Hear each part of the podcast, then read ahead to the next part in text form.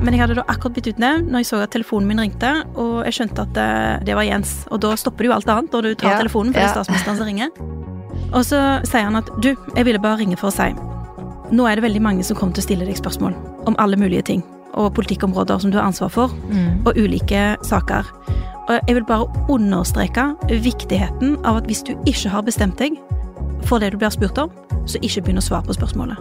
For hvis du begynner å svare på spørsmålet, til og med hvis du begynner å reflektere omkring det, så risikerer du å begrense handlingsrommet ditt. Jeg er veldig nysgjerrig på folk som på forskjellige måter utøver lederskap. Jeg har lyst til å komme under huden på dem som har rekt opp handa og tatt ansvar. Hva er det som driver dem, hva slags motstand har de møtt på veien, og hvordan har de reist seg når de har falt? For de fleste snubler på veien uten at vi ser det. Det her er Lederhoder. Jeg heter Åshild Mathisen og jobber i Hodejegerne. I dag snakker jeg med stortingsrepresentant Hadia Tajik. Jenta som satt på noen bruskasser i butikken til faren og leste aviser og drømte seg bort fra Bjørheimsbygd. Hun er den muslimske jenta som ble sendt på bedehuset så hun ikke skulle havne på den syndige ungdomsklubben. Og ikke bare der har hun skilt seg ut. Hun er vår første muslimske statsråd og den første kvinnen med minoritetsbakgrunn som ble oppført som den mektigste kvinnen i Norge. Velkommen, Hadia Tajik. Tusen takk. Jeg kunne jo fylt på introen med bøker du har skrevet, bøker du har redigert, TV-program du har laga, Skal vi danse-deltakelse, osv., osv. Kan du forstå at folk syns du er irriterende flink? Altså, jeg velger å henge meg mer opp i flink enn i irriterende, og det, det er jo hyggelig hvis folk tenker det om meg. Ja. Og jeg har lyst til å høre litt som leder, fordi du har jo vært eh, en eh, flink eh, arbeidsminister. Du blir kalt for den, altså Hva har du blitt kalt for? Det har vært noe med sånn historisk beste. Du kan få lov å si det sjøl. Nei, eh, jeg kan ikke gå rundt og si det sjøl. Det kan jeg faktisk ikke gjøre. Men det at du har en sånn referanse, at du husker at noen har sagt noe hyggelig om meg, og at det er historiske liksom, Ja, begreper, annet det holder historisk. massevis ja, for Ja, meg. så bra. Men hva tenker du da? Da må du jo Altså, det må jo være noe, noe handlekraft her som eh, ligger bak, og at du fikk så mye skryt for det du fikk til som arbeidsminister. Hva slags type leder er du? Altså, jeg har i hvert fall måttet vokse med oppgavene og finne ut hvordan de ulike lederoppgavene må gjennomføres. Hvis vi tar det helt konkrete som arbeidsminister som eksempel, så er jeg jo utrolig takknemlig for at jeg har fått lov til å lære hvordan et departement fungerer, før jeg ble arbeidsminister. At jeg hadde vært politisk rådgiver i i hvert fall tre departementer i forkant, og på en måte sett hvordan det funker på innsida, sett hvordan andre statsråder jobber. Sånn at når jeg på en måte sto der sjøl og skulle gjennomføre saker, så var det mulig for meg å sette opp en plan. Og jeg liker jo å jobbe planmessig. Og Mm. å sette opp liksom at nå skal vi i hvert fall prioritere disse sakene. De må tas først, og eh, det andre må vente. Og så har jeg jo snakka med noen av dine rådgivere som har ganske mye humor på hvor tøff du kan være i tilbakemeldingen din. Krever du mye av de som jobber rundt deg? Jeg tror jeg gjør det, men jeg setter òg veldig stor pris på å få tydelige tilbakemeldinger sjøl. Jeg er nok en sånn person som hvis noen bare gir meg ros, så blir jeg eh, bare litt usikker av det og tenker hva skal jeg bruke dette til? Mm. Ikke blir jeg mett, og jeg ikke blir jeg tørr, og ikke blir jeg mer intelligent av det. Altså, altså, eh, Så du vil ikke være, liksom tenke at du er en som omgir deg med ja-folk? Jeg, det er jeg ganske sikker på at jeg ikke Jeg i hvert fall etterspør motstand og ønsker å få det. Mm. eh, Og tror òg at det er det jeg vokser på. Jeg vet at jeg har mine svakheter. Jeg trenger folk rundt meg som òg kan kompensere for de svakhetene, at de kan se ting som jeg ikke klarer å se. Så når du har eh, valgt deg ut, og det gjør du jo selvfølgelig ikke bare alene, men sikkert i samråder med resten, altså med stats, statsminister videre, når man har et apparat rundt seg som statsråd, hva er det da som du tenker er nei-egenskapene, eller som utfyller deg når du har valgt eh, folk rundt deg? Og også som stortingsrepresentant har du jo rådgivere. Da må jeg begynne å avsløre eh, mine svake sider. Ja, det er det du sitter her for å gjøre. Nei, men altså, En ting er å ha litt sånn selvinnsikt, en annen ting, ting er å på en måte promotere sine liksom, begrensninger. Ja. Men jeg pleier i hvert fall å spørre folk som jeg har jobba med, Mm. hvilke anbefalinger de gir folk de har sett, som de tenker kan tre inn i deres rolle. Mm. For eksempel Fløye, da. Ville du da valgt noen som ikke nødvendigvis er på nøyaktig samme sted som deg i Arbeiderpartiet? Altså, sånne, sånne avveininger handler jo om hvor trygt du sjøl står. Står du sjøl trygt, så Mhm. kan du ha folk rundt deg som ikke egentlig 100% deler liksom begeistring for deg eller ditt prosjekt. Mm. Men hvis du ikke står trygt, eh, så er det jo ikke mulig å omgi seg med folk tett på seg som har en helt annen agenda. Det lar seg rett og slett ikke forene. Da lever du farlig. Og hvordan har det vært opp igjennom? Hvor mye har du følt at du har stått trygt nok Når til å bli utfordra? Når du er politiker, så omgis du jo av folk som andre har valgt, på den Mm. måten at eh, når du er eh, tillitsvalgt i et parti, så er det ikke du som velger hvem det er som sitter ved siden av deg når, rundt møtebordet Mm. når beslutningene skal tas. Det er andre som har valgt de andre tillitsvalgte. Og du må selvfølgelig kunne samarbeide godt med de, uansett. På det profesjonelle, på det politiske. Men det du helt konkret spør meg om, er jo liksom hvem er det man har i sin indre sirkel? Mm. Og hvis du lever farlig, så har du ikke folk du ikke kan stole på i den indre sirkel. Men det mener jeg òg er en sånn Hvis du ser på en organisasjon eller en arbeidsplass, og du oppdager at uh, shit, her er det jo sånn at det, noen kretser er ikke representert på noen arenaer, mm. så er det nok òg et uttrykk for at eh, det er litt usunne strukturer i den organisasjonen. Eh, veldig generelt og fint En hei- eh, en helt sagt. generell observasjon. Eh, eh, veldig generelt og fint. Eh, la meg sirkle litt inn, da. Ei bok som heter Alle skal ned, som jeg synes er en fantastisk tittel, om Arbeiderpartiet, skrevet av eh, to eh, VG-journalister. Den beskriver at det oppstår en sånn gutteklubben grei-kultur i Arbeiderpartiet. Det her er mens eh, Trond Giske er nestleder. Og beslutninger tas utenfor møterommet, og de går også forbi deg, er beskrivelsen. Du er ikke intervjua der, men det er flere kilder på det her. Hva tenker du om det? Kan du bekrefte at det skjedde? Altså, jeg har ikke lest den boka, um, og jeg har med vilje latt være, egentlig, for jeg tror det ville føltes litt som selvskading. Det er en bok som uh, gir en ganske tøff beskrivelse av Arbeiderpartiets indre liv, sånn som Mm. jeg har forstått det på den omtalen som boka har fått. Så jeg har på en måte bare tenkt jeg trenger ikke lese det. Jeg har levd det. Hold i massevis. Eh, og ingen organisasjoner, heller ikke Arbeiderpartiet, er immune mot det som skjer i resten av eh, samfunnet. Og ikke du heller, for jeg tror mange vil tenke at eh, altså, ingen går forbi Hadia Tajik. Det, det fikser du. Nobody puts baby in the corner. Nemlig. Nei, altså, når man ser ellers i samfunnet at det kan på noen arenaer være gutteklubbtakter. Ja. Damer som ikke blir inkludert, ikke får informasjon, som opplever at beslutningen blir tatt på et annet sted enn eh, det møterommet der det faktisk skal tas.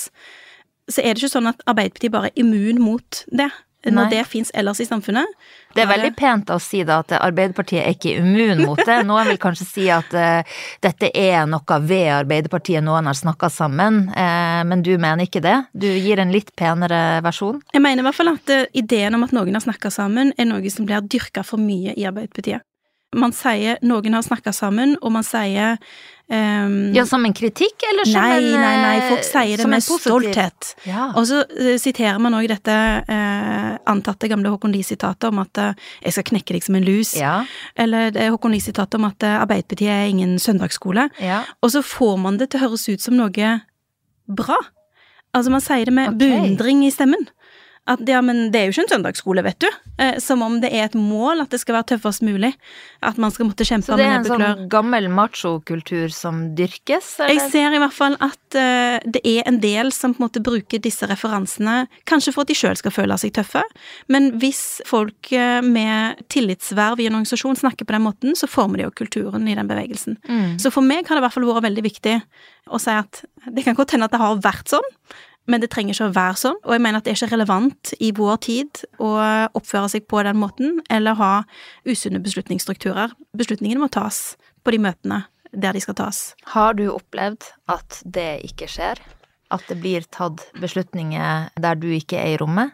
Det er ikke en abstrakt problemstilling for meg. Men ikke Det er en grunn til at jeg er opptatt av dette. Ja, Mm. og hva Vi kan snakke i generelle termer.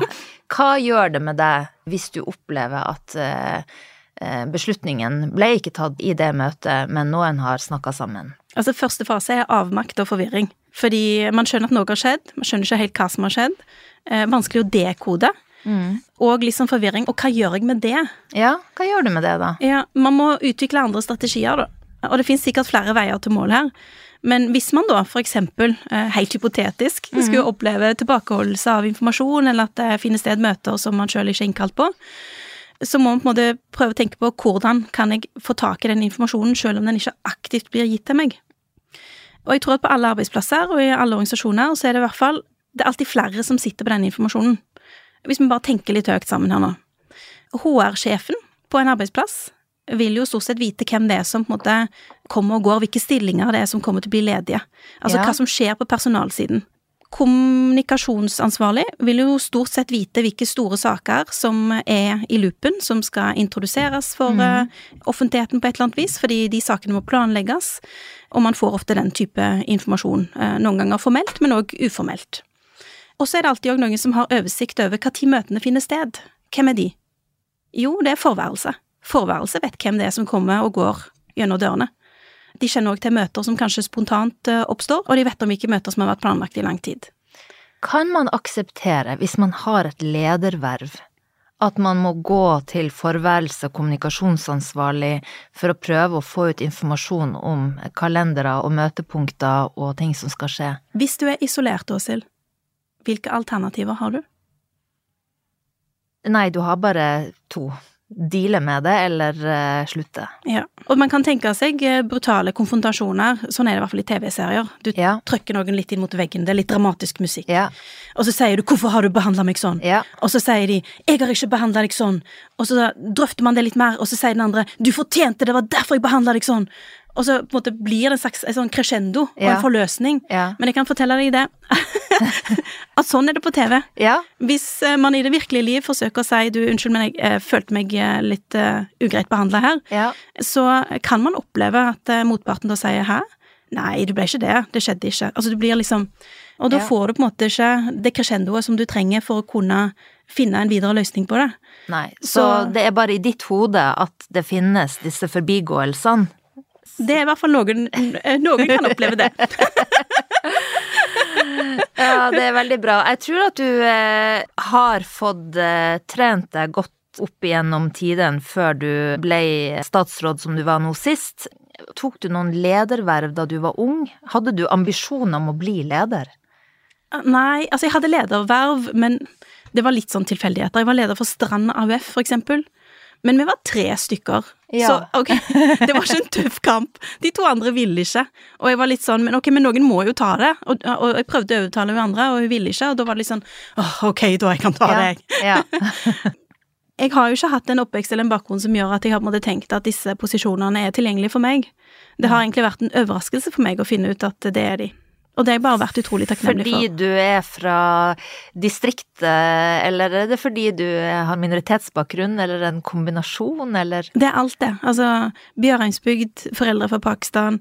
Ikke spesielt sterk eh, sosioøkonomisk bakgrunn, da, som forskerne måtte kalle det. Ikke hadde jeg noe sånn mektig nettverk eller noe sånt. Nei. Eh, og i tillegg, bare for å gjøre det enda mer komplisert, jeg har jo utgangspunktet ikke pleid å være utprega sosial heller. For, I det minste så kunne man tenkt at med en utprega sosial væremåte så kan man kompensere og skaffe seg et bredt nettverk. Ja. Jeg hadde ikke de forutsetningene engang, jeg. Så med det utgangspunktet jeg har hatt, har det overraska meg at det har gått såpass bra som det har. Og jeg har vært utrolig takknemlig For det. For når noen har snakka sammen, så har ikke Hadia vært og snakka med de. Men eh, du har jo, med minoritetsbakgrunn, så er det jo ofte sånn at foreldrene har veldig høye ambisjoner på vegne av sine barn. Opplevde du det? Ja, altså på den måten at de var opptatt av at lekser var viktig, at Ja. var viktig. Mm. Men så var de òg veldig opptatt av at de måtte velge et, et trygt yrke. Og Ja. mor mi var spesielt opptatt av tannlege. Det burde jeg bli, Ja. for tannleger trenger man overalt. Det ville være bra og trygt for meg. Hvor fort skjønte hun at det ikke kom til å skje? Nei, hun fikk jo litt motstand på det, da, og det var jo ikke noe som interesserte meg så veldig. Nei. Men det har i hvert fall vært liksom en del av bagasjen, da, at um, lekser og skole er viktig. Mm. Men når jeg da tenker, altså når jeg ser livet mitt liksom baklengs, så ser jeg jo hvor utrolig viktig altså hele den norske samfunnsmodellen har vært for at det skal være mulig for meg å kunne ha denne type lederposisjoner. I veldig mange andre land er det jo sånn at har du den type bakgrunn som jeg har, du er kvinne, du er forholdsvis ung, ikke sant, kommer fra et lite sted, ikke har noen mektige venner, ja, men da får du ikke den type posisjoner, fordi det er, det er folk som har gått på privatskole sammen, som passer på hverandre, som putter hverandre inn i disse posisjonene. Men i en samfunnsmodell der man legger så stor grad på likhet Mm. og på muligheter, og på at alle skal ha en god, gratis felles utdanning, og dermed få liksom det felles fundamentet, da, det har jo vært med på å gjøre det mulig til og med for ei jente fra Bjørnsbygd å få lov til å være Norges mektigste kvinne. Det var på tide. Og så har det storma rundt deg, Hadia. Og du har sjøl sagt om det at du måtte gå som statsråd og nestleder i Arbeiderpartiet, at det var et hardt smell da du traff asfalten, men at du måtte stole på at du var sterk nok til å reise deg igjen. Har du reist deg igjen? Ja, altså langt på vei så føler jeg jo det sjøl, i hvert fall knytta til altså min egen trygghet, hvordan jeg har det i hverdagen, mm. at jeg opplever at jeg har et godt og meningsfullt liv. Jeg sitter på Stortinget i energi- og miljøkomiteen, jeg kommer snart ut med en bok om klima og økonomi. Mm. Og så er bank i bordet jeg så utrolig takknemlig for at det viktigste i livet er på plass, nemlig at eh, jeg har en mann som elsker meg, og som jeg elsker, og at jeg har en unge som trives i barnehagen, og som har det mm. godt. Så godt å høre. Eh, men jeg spoler litt tilbake til dramatikken. På den pressekonferansen der du gikk av, der var det noe jeg la merke til, og det var det nok flere andre som gjorde også. Du fremsto veldig kontrollert. Du gråt ikke, du eh, Man ser jo at noen altså er så prega at eh, man får på en måte grimaser i ansiktet. Var du så kontrollert? Altså, hvordan forberedte du deg til, mm. til en sånn seanse? Altså, jeg var helt rolig på det, og jeg er bare takknemlig for at eh, det var synlig. Selv om jeg har forstått i ettertid at det til og med var provoserende på enkelte. De ville heller ja. at jeg skulle gråte, og maskaraen skulle flyte litt, og at, eh, ja, at det i seg sjøl måtte ja, det, være en viktig var, del av opplevelsen deres. Det var folk som reagerte på det, at du fremsto for lite ydmyk. Ja, men håper jeg, hva legger de i det? Eh, nei, altså jeg er, er, litt nysgjerrig på om det også kan ha noe med kjønn å gjøre, fordi det er jo også menn som nå har gått av, som ikke gråter, eh, og som fremstår også kontrollert, men det har ikke blitt kommentert eh, på samme måte. Mm. Nei, altså, eh, andre må jo svare på hvorfor de mener det de mener, men generelt så vet man jo at kvinner og menn, menn blir bedømt ulikt på hvordan det er de framstår, mm. og at um, når det har blitt gjennomført um, eksperimenter, da, der man gir studenter likelydende CV-er, men gir den ene CV-en et kvinnenavn og den andre et mannenavn, så høres eh, mannen ut som en driftig kar man har lyst til å ta en øl med. Ja. Mens kvinnen hun er sikkert kompetent, men hun virker ikke noe hyggelig. ja, er sikkert uh, god på det hun gjør, men jeg har ikke sånn kjempelyst til å jobbe for henne. Men egentlig har de liksom da de samme kvalifikasjonene, men de oppfattes ulikt. Og det tror jeg nok at alle kvinner i norsk offentlighet òg kan oppleve når de blir forsøkt analysert av andre. Men, men var det viktig for deg å ikke miste det når du sto der? Det var en oppgave, og det var viktig for meg å løse oppgaven. Og mm. da var oppgaven å ha den pressekonferansen, svare på spørsmål og mm. gå. Mye, jeg blir så nysgjerrig på, nå har vi sett så mange av disse, hvordan forbereder man seg, hvordan, hvem, er det du har, hvem er det du bruker rundt mm. deg for å gjøre en så, det må være så krevende? Altså når beslutningen eh, min var tatt, så var det egentlig ikke så vanskelig, altså. Og jeg tok beslutningen kvelden før, altså mm. tirsdag kveld, og da kjente jeg på at jeg må skrive det jeg skal si, for det en del av min prosess. Jeg vil i hvert fall ha et utkast klar. Sitter du hjemme og skriver? Er det en kobbel av rådgivere? Nei, akkurat Hvordan? da satt jeg helt alene eh, foran PC-en hjemme og skrev det ut. Og da var ikke det meninga at nå sier jeg bare dette, men da har jeg et utkast. Og så vet jeg at når jeg kommer på jobb i morgen, så får jeg tak i folk som kan gi meg motstand på det som står her, og ja. om det er andre ting som bør sies, eller bør sies på en annen måte. Men mm. jeg si, her, er min, her, er min, beslutning, og her er utgangspunktet for, for det jeg har tenkt å si. Og neste morgen hadde jeg da bedt om en prat med statsministeren, der jeg jo da fortalte at nå ønsker jeg å gå. Og seinere samme dag så satte vi opp tidspunktet for pressekonferansen, og da brukte jeg tida fra morgenen og frem mot pressekonferansen til å jobbe meg gjennom budskapet og hvordan dette måtte håndteres på, og om det var ting som òg måtte håndteres eller følges opp i etterkant, mm. og som vi da burde ha en plan for. Hvilken modus er du i da? Da er du en leder som skal gå av, og du har flere øyne på, retta på deg enn de fleste ledere som går av. Det kan ikke bli større oppmerksomhet. Øver du sammen med noen? Hvem er det som er dine viktigste sparringspartnere? Jeg kan ikke huske at jeg øvde på um, det jeg skulle si i den pressekonferansen. Hvis jeg gjorde det, så kan jeg ikke Jeg kan ikke rekonstruere at jeg gjorde det. Nei. Det jeg husker, er at uh, jeg satt rundt møtebordet i Arbeids- og inkluderingsdepartementet med den politiske ledelsen og med toppembetsverket, mm. og gikk gjennom systematisk liksom setning for setning. Er det noen uh, følelser da? Det er en oppgave, Åshild. Ja. Altså, og, og, min eh, tilnærming er at uh, løs oppgaven. Og, ja. og, det var det modus jeg var i. Ja. Men jeg tror på godt og vondt så er jeg ganske god på å bare Hvis det kommer liksom bølger av følelser eller vemod eller hva mm. det måtte være, at jeg er god på på en måte bare sånn Rulle det sammen. legge det til sides. Ja. Sånn at det er ferdig håndtert. Og så kan jeg godt gå og føle på det etterpå, men i situasjonen så tror jeg at jeg i hvert fall har mengdetrening i å på en måte bare legge de følelsene vekk. Det som du da har rulla sammen, ruller det seg ut på noe tidspunkt etterpå? Det er klart det, et eller annet sted må det jo gjøre av seg, altså det må Ja. jo komme ut på et eller annet vis. Ja. Men eh, da kan det jo heller komme ut på et tidspunkt der jeg har tid til å forholde meg til det.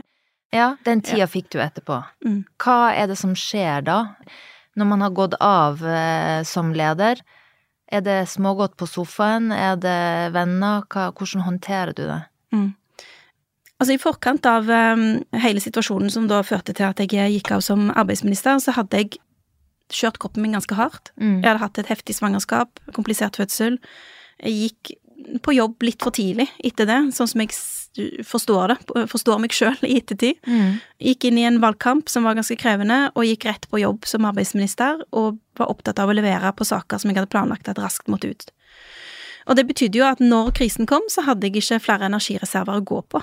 Mm. Sånn at når jeg da gikk av, og da er jo det klassisk, jeg fikk covid, Ja. ja, så det starta med covid, Ja. og så eh, hadde ikke kroppen mer å gå på, rett og slett. Eh, sånn at da hadde jeg en, eh, en lengre sykemelding. Jeg prøvde å tilnærme meg det som alle andre oppgaver. ja, det høres klassisk. Hadia ut. ja. Ja, men hvordan løste du det? Ok, nå må jeg bli frisk. Punkt 1. Hvordan blir jeg frisk? Ja, Ok, jeg må hvile, ja. hvile, skriv ned hvile. Jeg må ha gode folk rundt meg, venner og sånn, som sier Mhm. positive ting, fordi positivitet og sånn bidrar også til at man husker at man eh, tross alt er et godt menneske og Ja. har eh, egenskaper som kan brukes til noe fornuftig. Ok, skriv ned gode venner, eh, gjør en avtale om å ses. Og så vet man jo at mat og søvn hjelper, mm. selvfølgelig. Og frisk luft hjelper, selvfølgelig. Dagslys hjelper. Og da Du bor midt i byen, mm. og du er på alle forsidene av, av avisen. Hvordan er det da og de, de første dagene du skal ut og få frisk luft? Nei, jeg tror den første uken tror jeg ikke jeg var ute. Nei. Men eh, det var jeg heller ikke i stand til. Men jeg var òg veldig klar på og sa til mannen min at eh, neste uke så må jeg hente og levere i barnehagen. Ja. Og det var òg en viktig del av prosessen. Mm. Fordi det går ikke an å sitte hjemme og bli frisk. Det, altså, det bare går ikke. Du må ut, Mm. treffe folk, Mm. få frisk luft. Gjøre de hverdagslige tingene. Og tåle det, selvfølgelig. Så det begynte jeg med. Henting og levering. Og så gjorde jeg avtaler med venner om at de skulle treffe meg. Andre, forskjellige venner hver dag. Mm. Men sånn at jeg var sikker på at noen lufta meg eh, Ja. en gang om dagen. Gikk en liten tur med meg i eh, dagslys. Det var godt. Jeg tror det er veldig fint for mange å høre at det er, det er faktisk så banalt eh, også når man har gått av som eh, toppleder og statsråd. Før vi går videre, Hadia, så må jeg jo fortelle at eh, vi har kjent hverandre i mange år. Jeg har vært eh, redaktør for en spalte du skrev i Vårt Land, og så har jeg vært konsulent på boka du nevnte, som du kommer med, om klima. Og det skal vi tilbake til. Men når vi har samarbeida om tekster, så har jeg observert noe som er litt motsetningsfylt. Nemlig at eh, du er veldig glad i å reflektere, lese deg opp, eh, gjøre leksene dine, og så skriver du ganske sånn generelt om det du er opptatt av. Du er nysgjerrig eh, utover bare partipolitisk, men du er ikke så glad i å knytte det an til deg sjøl. Det tror jeg vil overraske folk, og at det overrasker når så eksponerte mennesker som deg på en måte nesten fremstår litt sånn beskjeden på egne vegne. Hvorfor det? Er det janteloven? Altså, det syns jeg er litt vanskelig å svare på, men jeg har i mange sammenhenger lurt på hva er det Hvorfor skulle noen være interessert i meg, hvis du skjønner? Altså, jeg kan skjønne at man er interessert i arbeidet, i resultatene, i prosessene. Og når jeg eksempel skriver sjøl, sånn som jeg gjorde i den spalten du refererer til, så er jeg redd for å skygge for teksten, skygge for budskapet. Det gjør nok òg at jeg måtte dempe noe av eh, historien om meg. Og så er det òg et lite element av Det er jo ikke bare min historie. Det er jo historien òg til alle de som har vært en del av livet mitt. Tidligere så var du veldig opptatt av at du ikke skulle være en eh, innvandrerpolitiker og, og holdt tilbake, fordi du fikk jo alltid muligheten til å uttale deg med den minoritetsbakgrunnen du har. Har det endra seg? Når du sier på en måte at du ikke så for deg at de posisjonene var tilgjengelige for deg på grunn av din bakgrunn, er ikke det en viktig historie for veldig mange i Norge? Altså, har du, har du andre tanker om, den rollen nå enn du hadde før? Jeg tenker to ting. Det ene jeg tenker er at jeg er mye tryggere der jeg står i dag enn det jeg var når jeg starta med politisk arbeid. Sånn at i starten var jeg ikke komfortabel med å på en måte alltid være hun som på en måte skal snakke om mangfold eller integrering. Mm. Jeg ville gjerne at folk skulle på en måte se at jeg hadde bredde, at jeg kunne uttale meg om andre politiske områder, og derfor sa ja. jeg mye nei til henvendelser som handla om det. Men i dag føler jeg meg relativt trygg på at, at jeg har et omdømme som en allround-politiker, og at ja. man vet at jeg kan uttale meg om finanspolitikk eller om klima. Mm. Og dermed så uh, klarer jeg å ta uh, rommet på integrering, negativ sosial kontroll, på en annen måte enn jeg kanskje hadde turt eller gjort på et tidligere tidspunkt. Mm. Og det gjør jeg mye mer aktivt nå enn det jeg tror jeg kanskje gjorde tidligere. Det andre jeg tenker, er at ja, det kan godt hende at det er en historie som er verdt å fortelle, altså den, den veien, men det er òg en historie som er mulig å se. Må den snakkes om mm. for at man skal se den? Altså, jeg sitter her jo, mm. og store deler av mitt voksenliv har jeg jo hatt offentlige verv. Og innenfor journalistikken så sier man jo show, don't tell. Ja. Men tenker du, altså når man har minoritetsbakgrunn og får eh, topplederverv eller politiske lederverv, altså blir man dytta inn i den rollen fortsatt? Altså I omtalen av eh, når jeg havna på Kapitals liste over Norges mektigste kvinner, så har jo omtalen på en måte vært at det er den første med minoritetsbakgrunn som toppa den listen. Mm. Og det er helt greit for meg. Altså, eh, det er for en fantastisk ting å få lov til å oppleve. Altså, mm. Jeg er takknemlig for det. Men det slo meg òg at jeg var under 40 når jeg var på toppen av den lista. Jeg var småbarnsmor. Man kunne valgt å vinkle på andre ting, men man valgte å vinkle på det. Mm. Og jeg tror ikke det er negativt meint. Det er utelukkende meint som en sånn se hvordan Norge i dag er. Det er mange arenaer som er tilgjengelige for folk med ulike bakgrunner. Mm. Men det er da en egen synlighet knytta til hudfarge, innvandrerbakgrunn, som hele tiden er synligere enn en del av de andre egenskapene ved meg. Mm. Selv om det kanskje er mindre viktig for meg personlig tilbake til den boka du kommer med, fordi den eh, handler jo om eh, en gryende erkjennelse hos deg, og den handler ikke om minoritetsbakgrunn eller mangfold i samfunnet, det handler om klima og grønn omstilling. Din analyse av eh, det politiske Norge i forhold til klimaspørsmålet, tenker du at eh, norske politikere har utvist lederskap i klimaspørsmålet? Har du, har du gjort det? Jeg har uh, ikke gjort det før. Jeg har uh, prioritert andre politikkområder. Men etter at jeg gikk av som arbeidsminister, så gikk jeg da inn på Stortinget, i energi- og miljøkomiteen.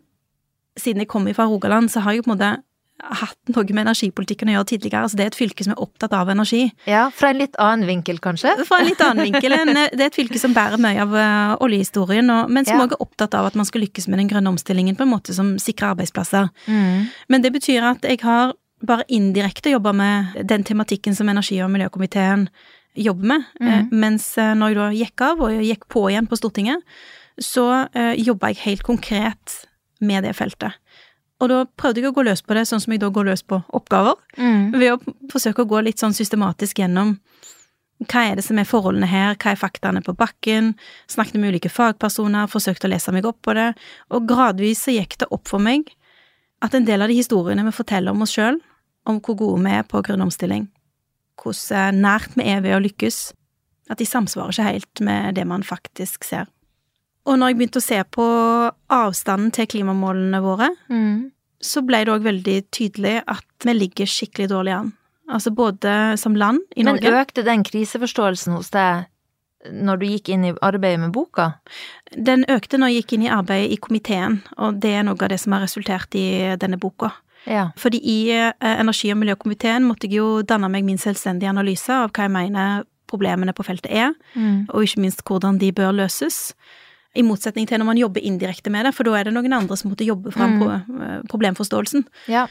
Flere og flere må jo engasjere seg i klimaspørsmålet. Mm. Men det er jo litt sånn at det er noen som på en måte har kredden i klimaspørsmålet, og du har ikke noen bakgrunn. Du kommer på en måte som du har på veldig mange andre politikkområder du har eh, profilert deg på. Hva tenker du om at du trer inn i det ordskiftet? Hva er bakgrunnen for at du gjør det? Jeg gjør det fordi eh, når jeg jobber med feltet, så er det noen eh, Det treffer noen genuine nerver hos meg. Mm. Jeg blir bekymra og urolig for at avstanden til de målene vi har satt oss, er så stor mm. at vi mest sannsynlig ikke når de. og at det kan få ganske store, dyptgripende konsekvenser for generasjonene som kommer etter oss. Og det er veldig vanskelig å leve med at jeg var politiker på et tidspunkt der man kunne gjøre noe med det, og at man ikke klarte å lykkes godt nok med det. Hvordan tror du boka blir tatt imot i Arbeiderpartiet? Arbeiderpartiet tror jeg trenger politikkutvikling, Mm. og eh, jeg tror det er mange som ønsker politikkutvikling. Og så er min erfaring at selv om man sier at man ønsker politikkutvikling, så blir man alltid litt provosert når noen kommer med nye ideer likevel, Ja. fordi det er noe annet enn det man har pleid å meint eller pleid å si. Men jeg tror òg at det er den eneste måten man kan utvikle seg på. Den eneste måten vi kan på en måte klare å finne bedre løsninger på, er at vi faktisk har en ekte diskusjon om hvor er det vi står, og hvor er det vi skal, og hvilke virkemidler er det vi har tilgjengelig. Og et politisk parti som ikke tåler politisk diskusjon, det er døden nært. Dette brenner du åpenbart for, og det fremstår som at det er viktigere for deg, holdt på å si, saken enn om noen synes det er ubehagelig. Hva slags råd vil du gi til unge i dag som har lyst til å ta et lederverv i politikken eller i samfunnet for øvrig? Jeg tror det viktigste rådet er å ta den lange veien, og det jeg mener med det er at man lærer så utrolig mye på den lange veien, som er viktig i de Mm. lederposisjonene som man får. Man får med seg erfaringer knytta til håndtering av folk i vanskelige situasjoner, andre som har stått i en krise, men som fordi de er i en del av din organisasjon, òg er en del av ditt ansvar. Eller vanskelige saker eller situasjoner, og du vokser på alle de oppgavene på Mm. veien mot de vervene eller posisjonene som du tenker at du ønsker deg. Og at det ikke kan undervurderes, betydningen av å ha bygd litt sånn stein for stein, den Mm. kompetansen. Du nevnte det med Arbeiderpartiet, og noen har snakka sammen, og du snakker om at du har endra deg som leder, du har blitt tryggere. Tenker du at lederrollen har endra seg fra du begynte å ta lederverv til i dag? Ja, det tror jeg definitivt. Altså, én ting er litt sånn åpenbare ting, som at eh, jeg tror eh, medietrykket er et annet i dag enn det det var for bare 15 år siden. Mm. Det forventes tilgjengelighet på en helt annen måte enn det gjorde for 15 år siden, òg på sosiale medier, og Mm. uh, at man viser en større grad av um, intimitet, og eller i hvert fall opplevd intimitet, med eh, seere og velgere, enn bare for noen få år siden. Og det å òg forstå det eh, Og takle det? og takle det, ja. Altså, jeg treffer jo stadig folk som sier at ja, men det, det gidder ikke jeg å drive med, og så tenker jeg ja, ja, ok, deg om det, altså, fordi du velger da å definere deg ut av arenaer som er viktige for hvordan du forstås, og dermed hvilken gjennomslagskraft det er du har. Mm. Du mener man må være til stede på de plattformene for å ha gjennomslagskraft? Altså, det avhenger jo av hvilket lederverv eller lederposisjon det er du har, Ja. men øh, basert på hvilken bransje det er du tilhører, la oss si du er politiker, så må du ha den tilstedeværelsen, ja, det må du. Og det handler ikke om å dyrke seg sjøl eller sin si, individuelle omtale på disse plattformene, men det handler om at hvis du skal ha muligheten til å ha gjennomslagskraft, muligheten til å kunne gjennomføre de sakene du ønsker deg, så kan den type ting òg ha betydning. Kan man skjerme seg eller forberede seg på det på noen måte? Det kan godt hende, jeg vet ikke hvordan man gjør det. Jeg har uh, blitt herda gjennom mengdetrening. Mm. Og det syns jeg er forferdelig synd å si òg, fordi når det kommer da 16-åringer og har på en måte lyst til å være en del av den offentlige debatten, Mm. men som opplever hets eller trakassering i kommentarfeltet etterpå bare fordi de har meint noe om skolestruktur eller, eh, eller pride eller, eller klimapolitikk, Mm. så er det veldig vanskelig å si til de at uh, jo, jo, men om ti år så er du så herda at det gjør deg ingenting. Det Mm. går jo ikke an. Folk kommer jo til å bli hetsa ut av den offentlige debatten på den måten der. Mm. Så jeg skulle ønske at vi klarte å ta et mye sånn større felles ansvar for eh, det å delta i offentlig debatt ikke er en så stor belastning som det jo tross alt er for ganske mange. Har du håp om at det kan bli bedre? Altså at eh, vi tar mer grep om sosiale medier og hvordan det fungerer? Altså det forutsetter eh, politikkutvikling på tvers av landet, så at man klarer å regulere eh, de internasjonale og store tech-selskapene Mm. på en bedre måte enn i dag. Så Ja. det korte svaret ja, det er mulig, men det er et Mm. langt lerret å bleike. ja. Og i mellomtida så tenker jeg at det er viktig at vi stiller opp for hverandre sånn rent menneskelig. Hvis Mm. du ser noen blir hetsa i kommentarfeltet, så gjør det de godt at Ja. du henvender deg til dem og sier at du syns det var gode argumenter og velskrevet. At man på den måten er med på, på å, si, å balansere det ut. Eller Mm. hvis man har redaktøransvar for den type kommentarfelt, at man faktisk praktiserer det redaktøransvaret og, og fjerner de mest eh, trakasserende og hatefulle meldingene som står Mm. der. Jeg har lyst til å gi deg det siste ordet. Hva er det beste rådet du har fått i hele din karriere? Det beste rådet jeg har fått i hele min karriere, vanskelig å rangere, men hvis jeg skal velge ett, så tror jeg eh, det vil være rådet som Jens Stoltenberg ga meg da jeg ble kulturminister. Og jeg hadde akkurat blitt utnevnt, og vi hadde jo hatt en god samtale før utnevnelsen. Men jeg hadde da akkurat blitt utnevnt når jeg så at telefonen min ringte, og jeg skjønte at det, eh, det var Jens. Og da stopper det jo alt annet når du tar Ja, telefonen, for det ja. er statsministeren som ringer. Og så eh, sier han at du, jeg ville bare ringe for å si nå er det veldig mange som kommer til å stille deg spørsmål om alle mulige ting, og politikkområder som du har ansvar for, Mm. og ulike saker. Og jeg vil bare understreke viktigheten av at hvis du ikke har bestemt deg for det du blir spurt om, så ikke begynn å svare på spørsmålet. Mm. For hvis du begynner å svare på spørsmålet, til og med hvis du begynner å reflektere omkring det, så risikerer du å begrense handlingsrommet ditt. Fordi da måtte, en sender du kanskje et signal som det ikke var meninga at du skulle sende, og folk begynner å forvente at nå skal det komme noe knytta til det og det, men så har du egentlig ikke tenkt å gjøre det, eller du har ikke muligheten til å gjøre det, Mm. og det ender opp med å bli et nederlag for deg når det ikke hadde trengt å bli det. Så hvis du får spørsmål på områder som du ikke har bestemt deg for, så kjøp deg tid ved å si at dette har jeg ikke tatt stilling til nå, eller liksom avfei det spørsmålet, og skaff deg oversikten, og bestem deg før du begynner å svare. Altså, det var et utrolig viktig råd, og jeg tror en ting er at det er et viktig råd knytta til mediehåndtering, men jeg tror det vel så mye handler om personalhåndtering, Mm. eller at det òg handler om hvordan du håndterer liksom, beskjeder som må gis inn på en stor arbeidsplass. Mm. Altså, det ledere sier, blir tolka Ja. til den minste detalj. Alle nyansene i det blir tolka, ansiktsuttrykket ditt når du sa det blir tolka, og du risikerer å skape forventninger som du ikke er i stand til å innfri. Så eh, innen du har bestemt deg, så hold igjen på budskapet. Tusen takk for at du kom, Hadia Tajik. Sjøl takk. Denne podkasten er produsert av Monster Podkast for Hodejegerne.